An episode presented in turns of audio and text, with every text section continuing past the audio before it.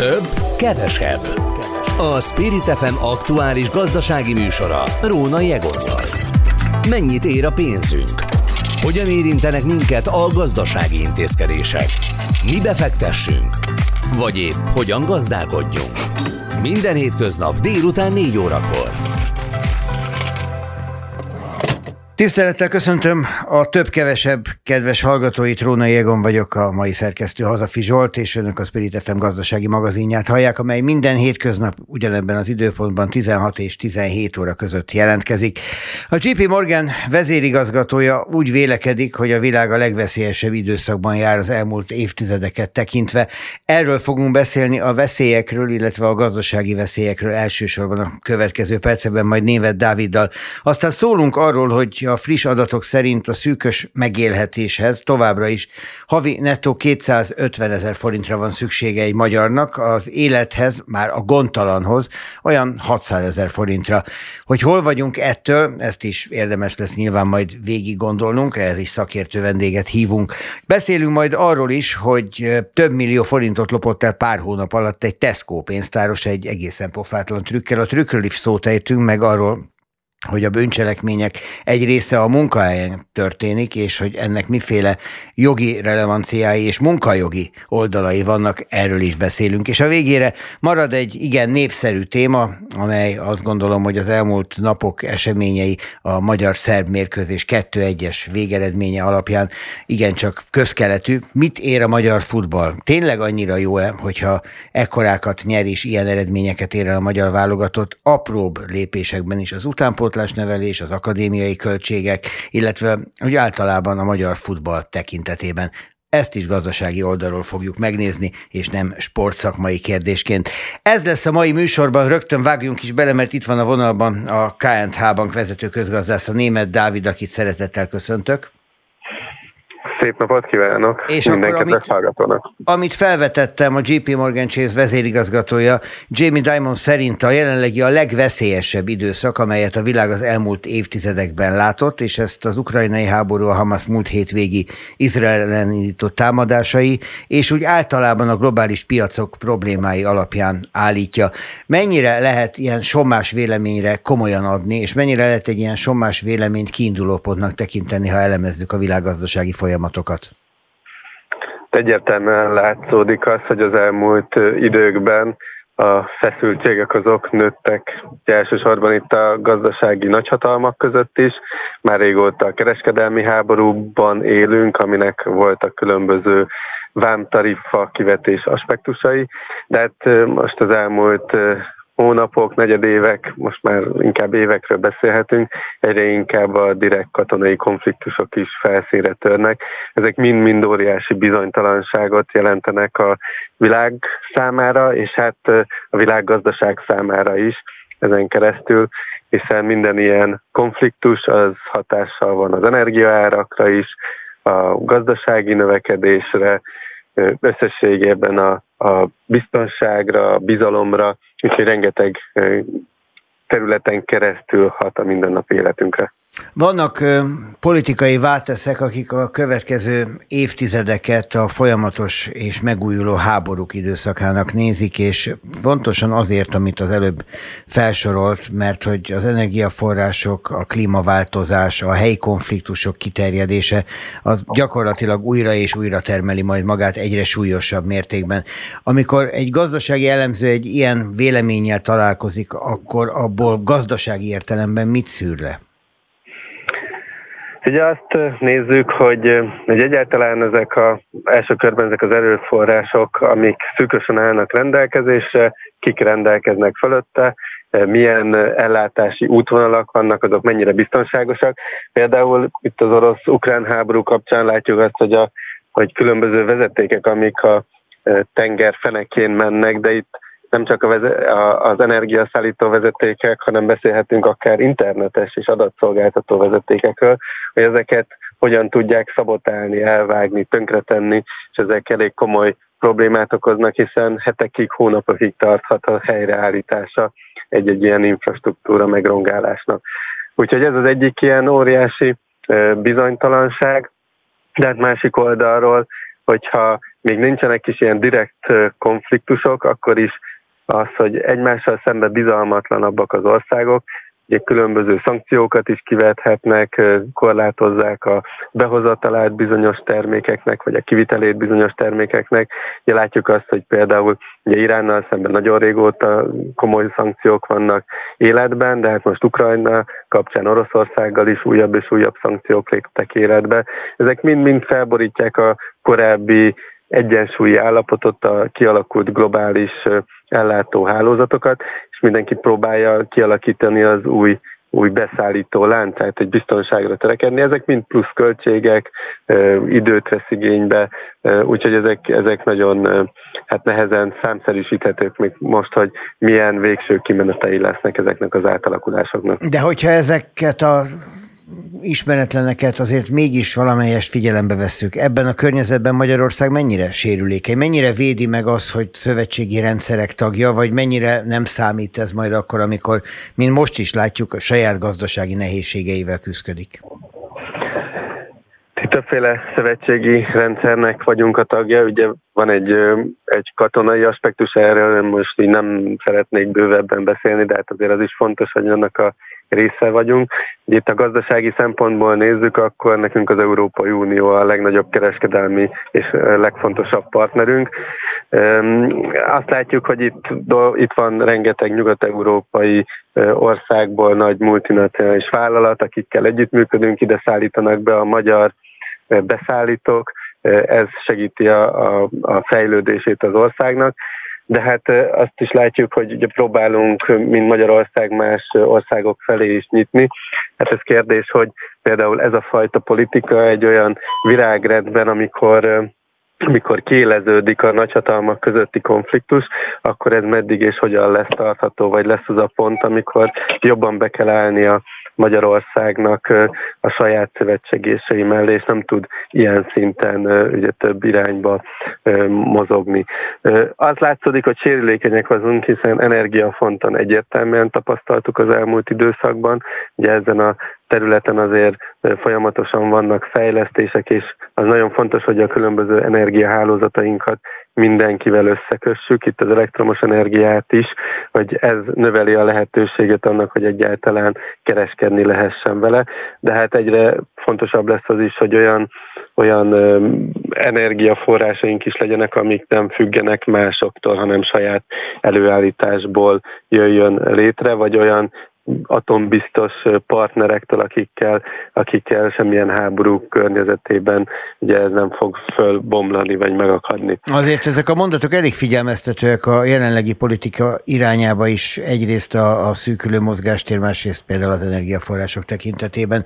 Mennyire eh, hogy kérdezzem ezt úgy, hogy ne sodorjam bele politikai állásfoglalásban, mert tudom, hogy azt nem szeretné. Mennyire van figyelemmel a politika, úgy általában is, meg a magyar politika azokra az irányokra, amiket a gazdasági szakértők hosszú távon vázolnak? Hát én azt gondolom, hogy itt elsősorban azért a, az ilyen helyzetekben a, a politikai együttműködés az, ami az elsőbséget élvez, és utána jön a gazdasági együttműködés. De azért az is látszódik, hogy akár Magyarország esetében is mindig elmondják, hogy az Európai Unió azért a legfontosabb partnerünk, tehát ez azért azt mutatja, hogy, hogy Magyarország továbbra is az Európai Unión ban képzeli el a jövőjét, hiszen ennek a közepén helyezkedünk el, tehát innentől fogva ez egy adottság, nincs is nagyon más lehetőségünk, mint hogy ehhez a nagy gazdasági térséghez próbáljunk minél több szállal kapcsolódni, mert hogyha itt belül elizolálódunk, akkor az nem segíti a magyar gazdaságnak a felemelkedését. Úgyhogy én azt gondolom, hogy ebből a szempontból azért abszolút van egy ilyen racionális látásmód, illetve hát azt is, hogy, hogy ezekkel a konfliktusokkal egyre inkább tényleg felszínre terül az, hogy miben kell stratégiailag hosszú távú együttműködéseket kötni és stabilitást nyújtani az ország számára. Én ebbe is azt látom, hogy azért van, van abszolút fejlődés. Vannak persze mindig lemaradások, hogy egy-egy projekt az csúszik, nem úgy alakul, vagy később indult el, mert nem tűnt olyan fontosnak. Hát egy-egy ilyen válság általában pont ezeket a gyengeségeit mutatják meg a gazdaságoknak, és akkor ezt mérünk rá, hogy hopp, ezzel többet kellett volna foglalkozni, akkor azzal többet foglalkozunk, majd jön egy másik válság, ami rámutat más gyengeségünkre is.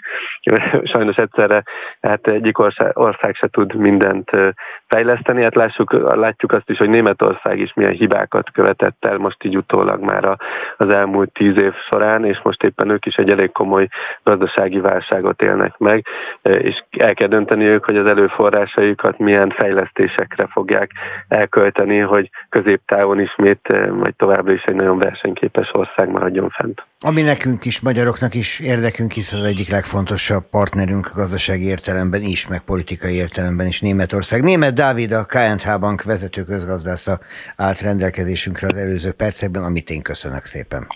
Köszönöm szépen a lehetőséget, és további szép napot kívánok Köszönöm mindenkinek. Is. Több, kevesebb. A Spirit FM aktuális gazdasági műsora Róna Jegonnal. Minden, ami a pénztárcánkat érinti. Hétköznap délután 4 órakor.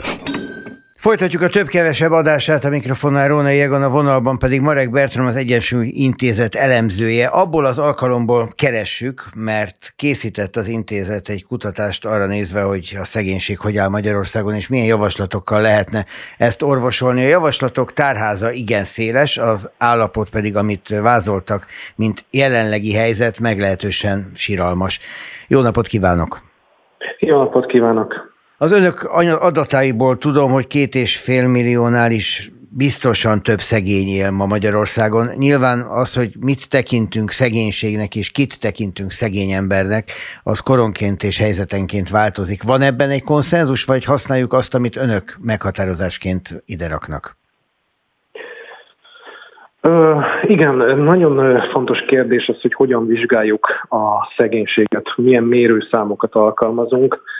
És pontosan azért indítottuk el a negyedéves szegénységkutatásunkat, hogy egy olyan módszertannal dolgozzunk, amivel megfelelően feltárható a szegénység állapota ma Magyarországon.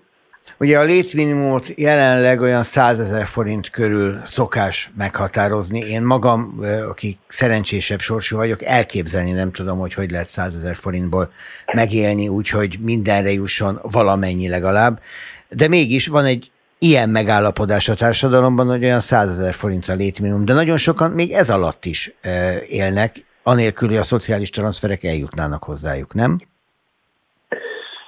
Igen, nagyon számos ö, kitett csoport van ebben a tekintetben. Azt például látjuk, hogy a, a legfrissebb adatok szerint a nyugdíjasok harmada, úgy 800 ezer ember a 100 ezer forint alatti nyugdíjra tesz szert havonta. A szegénységkutatásunkból pedig az derül ki, hogy van 3-4 százaléknyi honfitársunk, aki semmilyen jövedelemre nem tesz szert havonta. Az ő megélhetése vajon milyen forrásból táplálkozik? Sajnos ezt nem látjuk. A számok talaján maradva itt csak találgatni tudunk.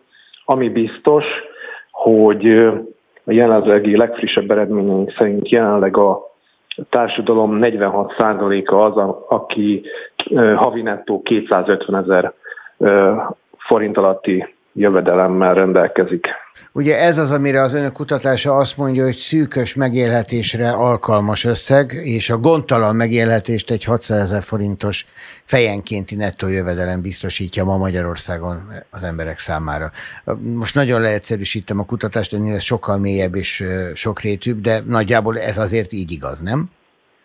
Így van, és ami érdekes az az, hogy a a legutóbbi adatfelvételünkhöz képest, a júniusi számokhoz képest az átlagos megélhetéshez 50 ezer, a gondtalan megélhetéshez pedig 100 ezer forinttal többre van szükségünk. Mint amihez most hozzájutunk? Mint amit megjelöltek szubjektív kutatásunkban a válaszadók a tekintetben, hogy mit tekintenek átlagosnak, vagy éppen gondtalannak, vagy éppen ugye szűkösnek. Oldjunk fel egy látszólagos ellentétet, lehet, hogy valódi, de sem is látszólagos. Az elmúlt tíz évet a kormányzat a magyar gazdaság szárnyalásának tekinti, és bizony vannak olyan mérőszámok, amik azt mutatják, hogy ekkora fejlődésben nem nagyon volt része a magyar társadalomnak, mégis az Unió egyik legszegényebb országának tekinthetjük az összes adat alapján Magyarországot. Ez nem egy ellentmondás? Ö, igazából nem, mert a, az uniós összevetés az mindig egy relatív pozíciót jelöl. Abban a tekintetben valóban nem vagyunk ö, szerencsések.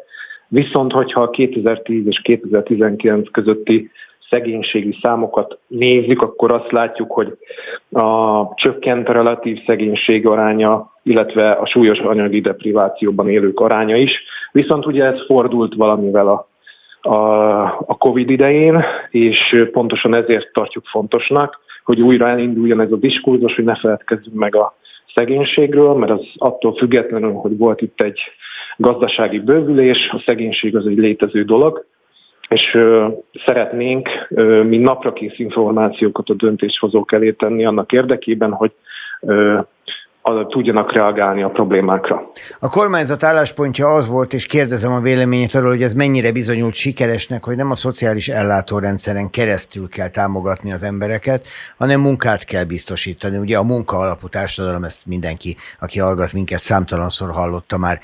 Elérte ez azt a célt is, hogy a szociális rendszer tehermentesült, vagy elérte azt a célt, hogy sokkal kevesebben fordulnak támogatásért segélyel a rendszerhez?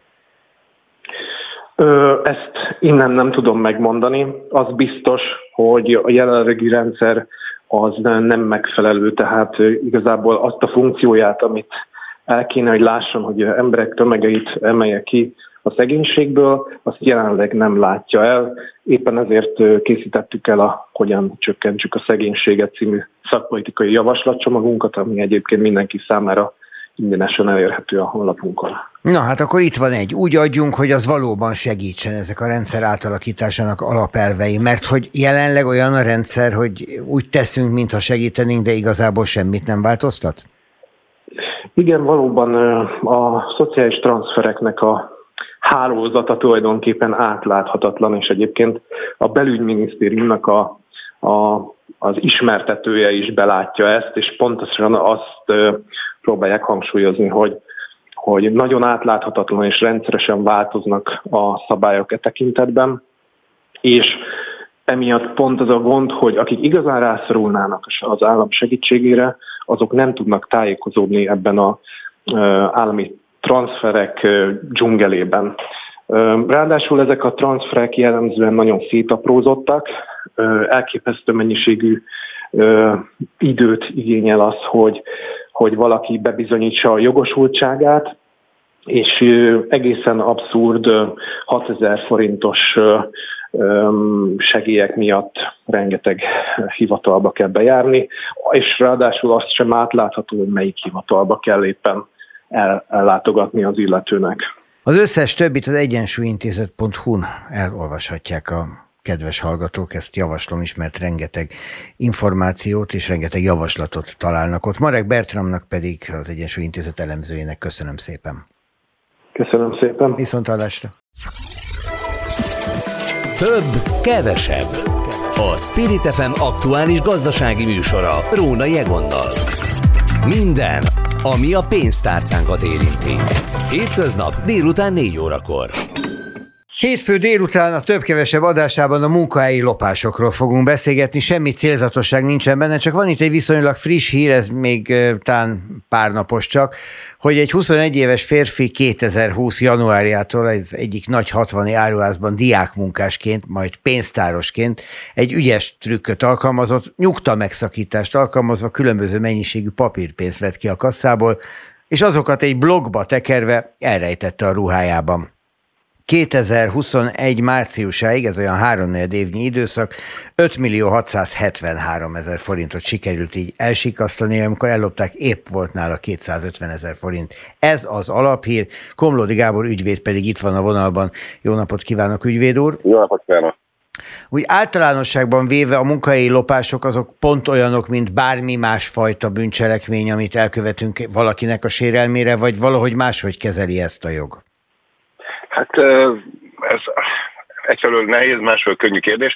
Először is ezt fontos tisztázni, hogy ez a fiatal ember ez nem lopott, hanem sikkasztott, ugye a vád, vádirat igen, szerint. Igen. Nagyon a különbség mindösszesen annyi, bár ez fontos, lesz mindjárt a dolog érdemére is válaszolva, hogyha valaki lop, akkor ugye valaki másnak a dolgát azért szerzi meg, hogy az övé legyen, most nagyon egyszerűen fogalmazva, ha pedig sikkaszt, akkor egy idegen vagyon kezelésével bízzák meg, és e, e, ekkor követi el, és így tulajdonítja el ezt a, a dolgot. Tehát itt most az történt, hogy ő rábízták a Tesco-nak a pénzét, most hogy egyszerűen le akarjuk folytani, ez volt az ő munkája, ez volt az ő kötelessége, amit mint munkavállaló el kellett látnia, hogy azt ő kezeli azt a pénzt, és annak megfelelően este a standolásnál, vagy az elszámolásnál, azzal ő elszámol a munkáltatója irányába. És ő ezt a kötelességét szekte meg, ez egy munkavállalói vagy egy munkajogi kérdés, a másik oldal az pedig egy büntetőjogi kérdés, és azért a kérdésre válaszol, hogy nehezebb vagy bonyolultabb be, egyfelől azért nehezebb, mert, mert van egy munkajogi vonzata is a dolognak,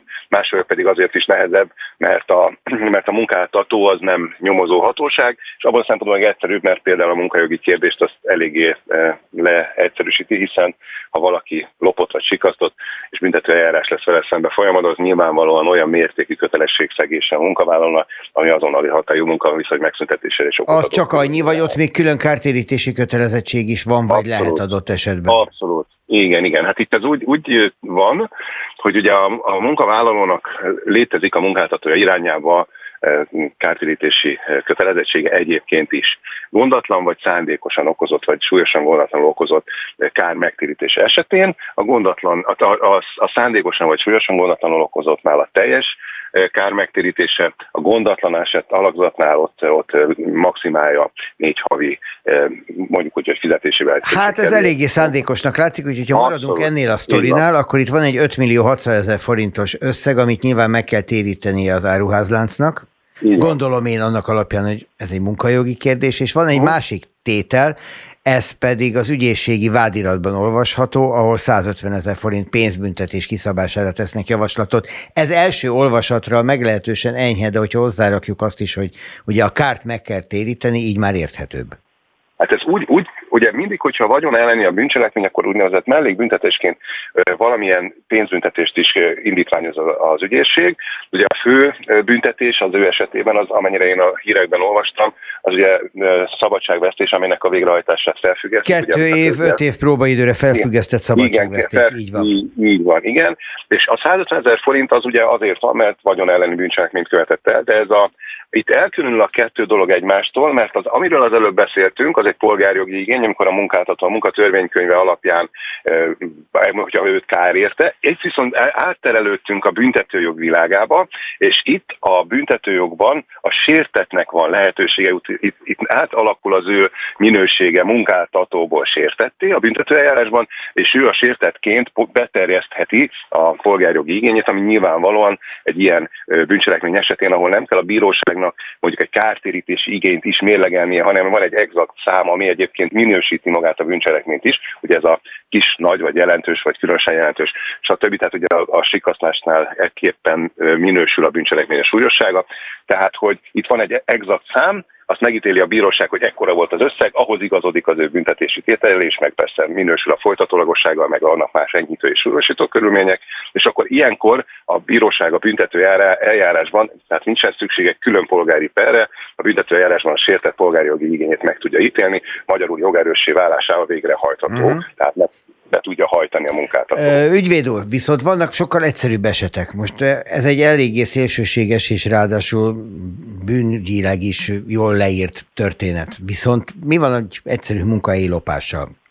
Gondolok itt hát arra, ugye, amikor ugye egy csomó munkahely például retteg attól, hogy rendőrt hívjon, hogy valamiféle ügy legyen, hanem megpróbálja ezt házon belül elrendezni. Annak milyen jogi lehetőségei és korlátai vannak? Ez, ez, ez azért nagyon nehéz, ugye az elején a beszélgetésnek mondtam, hogy a munkáltató az nem nyomozó hatóság. Ahogy, ahogy sejtések vannak, nekem is vannak céges ügyfeleim, és megkeresnek a munkáltatók engem is, hogy sejtik, hogy ezen a munka, ebben a munkakörben valaki vagy valakik eh, hát eh, hazavisznek ezt, azt, azt.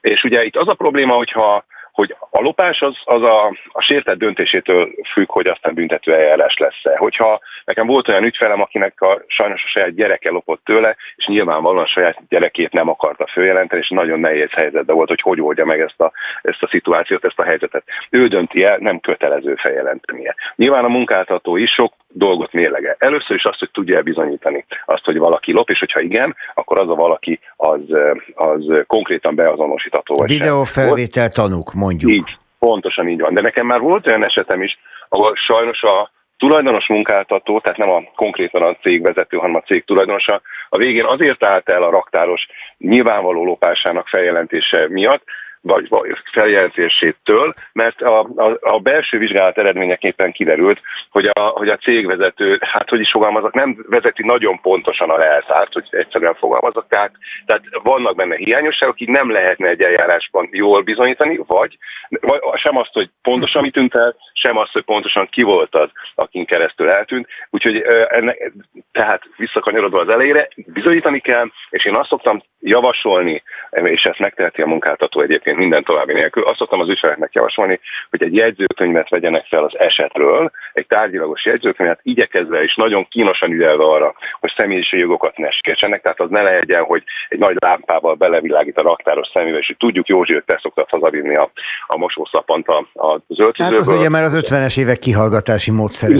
Igen, igen, igen. Tehát, hogy erre nagyon ügyelni kell, de amennyiben a jegyzőkönyv megszületik, az akár utána munkáltatói döntés, hogy annak eredményeképpen szankciót alkalmaz, munka, munkajogi szankciót alkalmaz, vagy pedig feljelentést is tesz. Gyakoriak az olyan munkajogi perek, ahol ilyen ügyek elbocsájtással végződnek, ahol az elbocsájtott megkérdőjelezi a vádat? Hát ugye ilyenkor az történik, hogy ha, ha nem lesz belőle büntető eljárás, hanem a munkáltató azt mondja, hogy egy jegyzőkönyv alapján nem, nem, nem jelentelek fel, de most megszüntetjük a munkaviszonyat. Ugye olyankor neki 30 napja van, hogy munkaügyi bírósághoz forduljon, de általában nem szoktak. Ha büntető feljelentés van, és a büntető feljelentés eredményeképpen jogerősen megállapítják valakivel szemben a büntetőjogi felelősségét, hát utána azt nagyon nehéz egy polgári vagy munkaügyi bíróságon megmagyarázni, hogy, hogy az mégsem hát úgy igen. volt. Viszont azt is tegyük hozzá, hogy az sem feltétlenül bizonyítja a bűnösséget, hogyha valaki nem fordul munkaügyi bíróságra, hát a csuda akarna olyan munkahelyen maradni, ahol engem ezzel igaztalanul megvádoltak. Pontosan így van, pontosan így van, ez egy nagyon nehéz, és azért is mondom, hogy nagyon kényes kérdés, mert, mert, a, mert akár lehet egy elhibázott döntés is, és valakit meglágalmaznak igaztalanul, vagy megvándolnak, az nyilvánvalóan. Na de erről azért eszembe jutott még egy utolsó kérdés az utolsó után, hogyha engem igaztalanul megvádolnak, és én végig is munkaügyi bírósághoz fordulok, annak egy értelme lehetne, egyfajta kártérítés, ami nyilván erkölcsi elsősorban, mert mondjuk rendes felmondással hajítottak ki, de mégis ezzel az igaztalan váddal. Hát igen, ez, ez is ez itt meg a munkavállalónak a döntése szerint. Én ilyen esetben általánosabban mondom, én ilyen esetben inkább azt tanácsolnám az ügyfélnek, ez attól függ, hogy milyen széles körben hangzott el, voltak-e rátanok, stb. stb., hogy akkor ő inkább egy személyiségi jogi pert, amiben tud érvényesíteni kártítést, inkább azt érdemes ilyen esetben talán indítani, de mondom, ez, ez, ez szintén az ő döntésétől függ. Valószínűleg az, az, a, az a fajta munka, az, hogy megállapítják, hogy jogelesen szüntetik meg az ő munkaviszonyát, az talán nem annyira fontos, hogyha ő nem akar oda visszamenni dolgozni, egy talán egyszerűbb egy személyiségi peren keresztül érvényesítenie. Komlódi Gábor ügyvéd volt a vonalban, ügyvéd úr, köszönjük szépen, viszont Én köszönöm a lehetőséget, viszont hallásra. Több, kevesebb. A Spirit FM aktuális gazdasági műsora Róna Jegonnal. Minden, ami a pénztárcánkat érinti. Hétköznap délután 4 órakor.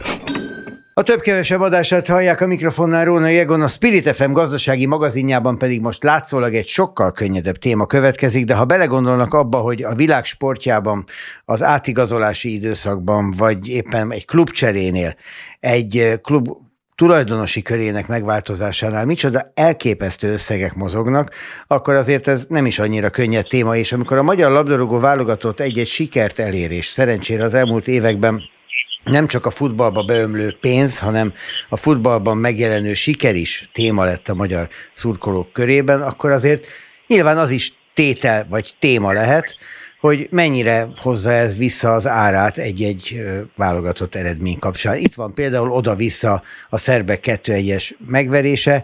Ez a győzelem, ez valószínűleg jelent valamit a nemzetközi piacon. De ezt én most kérdezem is egyúttal vendégünktől, Szabados Gábor sportközgazdásztól. Szervusz Gábor! Szervusz, üdvözlöm a hallgatókat! Természetesen komoly jelentősége van ennek. Egyrészt van egy nagyon komoly imázs jelentősége, és azt gondolom, hogy ha már te egy szóba hoztad a sportba és a labdarúgásba áramló összegeket, akkor nyugodtan mondhatjuk, hogy a magyar kormány egy célja éppen ez, ezekkel a befektetésekkel, hogy ezekkel a győzelmekkel egyrészt kifelé Magyarország minél jobb képet fessen magáról, és azt gondolom, hogy ez már látszik, tehát én is külföldi kollégákkal, ismerősökkel beszélgetve látszik ez az elismerés, amit ez egész Magyarország, nem csak a magyar futball, hanem egész Magyarország számára jelent az, hogy a futballban végre vannak eredményeink. Másrészt az, hogy ez országon belül is identitástudatot, közösséget épít és erősít, tehát nagyon komoly társadalmi hatásai is vannak, de hogy azért maradjunk a szikár számoknál és bevételeknél, ezek a sikerek mind-mind segítenek abban, hogy a magyar labdarúgás minél inkább piaci alapokra álljon, tehát itthon is meglegyen az a szurkolótábora, amely nem csak a válogatott mérkőzéseken tölti meg a Puskás arénát, hanem az NB1-es mérkőzéseken is, hát ha nem is megtölti, de legalábbis minél nagyobb arányban fel tudja tölteni a stadionokat, meg legyen az a lehetőség, hogy minél több játékos tudjon külföldre igazolni, ezáltal komoly bevételeket szerezzen a magyar futball külföldről, és természetesen például a magyar klubok úgy tudjanak nemzetközi kupában szerepelni, hogy ebből legyen komoly bevételük, és ne csak a Ferencvárosnak, akár más csapatoknak is. Tehát ezek a győzelmek mind-mind segíthetnek abban, hogy ez a piaci alapokra állás, ez minél nagyobb arányban megtörténhet. Amellett, hogy azt azért tegyük hozzá, hogy kis országok nagyon ritkán tudnak komoly futballt építeni úgy, hogy az önfenntartó legyen. Ahhoz egy olyan gazdasági háttér kell, ahol világcégek állnak egy-egy klub mögé, ez nálunk egyelőre nem jelent meg. Ez valóban így van, én is, ha most valaki pontosan visszaemlékszik a szavaimra, kicsit óvatosan fogalmaztam, nem azt mondtam, hogy teljesen piaci alapokról építkezzen a, a labdarúgás, hanem azt, hogy minél inkább piaci jellegű legyen azoknak a forrásoknak a, a származása, amelyeket felhasznál. Azt gondolom, hogy teljesen kizárni az állami forrásokat a labdarúgásból valóban nem lehet, mert eh, ahogy te is mondtad, ilyen kis országnál ez vagy nagyon jelentős eh, szakmai visszaesést eredményezne, vagy egyszerűen nem lenne fenntartható a modell. Az viszont, hogy minél nagyobb arányban jelenjenek meg piaci források, és így minél kevésbé kelljen állami forrásokra építkeznie a magyar futballnak, az igenis reális, abban ezek a sikerek nagyon sokat segítenek, és ugye, ahogy te is mondtad, hogy például az, hogy milyen cégek állnak a sport mellé, ez, ez nagyon sokban függ attól, hogy milyen az megítélése az adott sportágnak az adott országban. Nagyon sok olyan multicégről tudok például, ahol a külföldi központ mondta a magyar részlegnek, hogy na akkor szponzoráljatok a futballban, van, mert nálunk ez milyen jól működik itt Németországban, Angliában, bárhol. Erre válaszolta a magyar központ, hogy hát Magyarországon ez nem működik ilyen jól, ezt inkább hagyjuk. Hm. Én azt gondolom, hogy ezek, ezek a jelenségek, most nyilván itt most néhány évvel ezelőtti példákat mondok, ezek a jelenségek azért most már eh, nem lehetnek annyira jellemzőek, tehát az például, hogy a nagy magyar cégek eh, mellett, eh, akikről azért ugye tudjuk, hogy nem mindig feltétlenül piaci alapon vannak ott a magyar sport mellett, de hogy mellett mellettük megjelenjenek olyan külföldi uh, multik, akiknek már tényleg a marketing érték az elsődleges ezekben a döntésekben, annak igenis van racionalitása, amennyiben a magyar futball tud ilyen eredményeket produkálni. Nem akarok nagyon előre szaladni, a győri futball kapcsán beszélik, hogyha a Győr visszajut az NB1-be, akkor ott egészen más szelek kezdenek el majd fújni támogatás ügyében is, de mondom, ez messze van. Viszont van nekünk két gólszerzőnk a legutóbbi meccsről, Varga Barnabás és Salai Roland. Egyikük a Ferencvárosban játszik, a másikuk Németországban, a Freiburgban. Mind a kettő esetében már elhangzott itt a meccs utáni másnap, hogy egyiküknek sem ott a helye, hanem sokkal rangosabb csapatokban, sokkal jobb körülmények között. Mondjuk a Freiburg az nem rossz azért, de hát annál is van följebb. Ez ennyire egyszerű? Tehát egy-egy ilyen eredmény beírja a noteszbe a játékos nevét magától? Hát erre sajnos azt kell, hogy mondjam, azt, azt kell mondjam, hogy nem. Ma már az, hogy ki milyen szintre tud igazolni, milyen csapathoz kerül, az nem egy-egy mérkőzésen múlik. Tehát a nagy csapatok, akik ugye itt, akik felmerülhetnek itt most akár, akár Salai esetében, mi nagyon sok játékost monitoroznak, folyamatosan figyelnek, és ehhez ugye ki se kell mozdulni a sportigazgatónak az irodájából, kinyitja a laptopját, és olyan szoftverek, olyan adatbázisok, megfigyelő rendszerek állnak a rendelkezésére. Pontosan tudják azt, hogy mondjuk a Freiburgban Sallai melyik mérkőzésen hányat passzolt, hány méter futott, és így tovább, és így tovább. Minden adatával tisztában vannak, és alapvetően ezekre kíváncsiak, mert azt nézik, hogy hosszú távon a klubcsapataikban milyen teljesítményt tudnak nyújtani. Egy válogatott meccsel ma már nem tudja eladni magát egy játékos. Biztos a idősebbek közül emlékeznek arra, hogy például Torgelle Sándor ugye úgy került a Premier League-be, hogy egy németek elleni barátságos meccsen rugott két gólt, és tulajdonképpen ezzel eladta magát. Ma már ilyen nincsen. Tehát ma már ehhez kell az, hogy lássák azt, hogy a, a klubmérkőzéseken is megfelelő teljesítményt tud nyújtani, és mondom, ezeket a szoftvereket, adatbázisokat használják el az elemzéshez.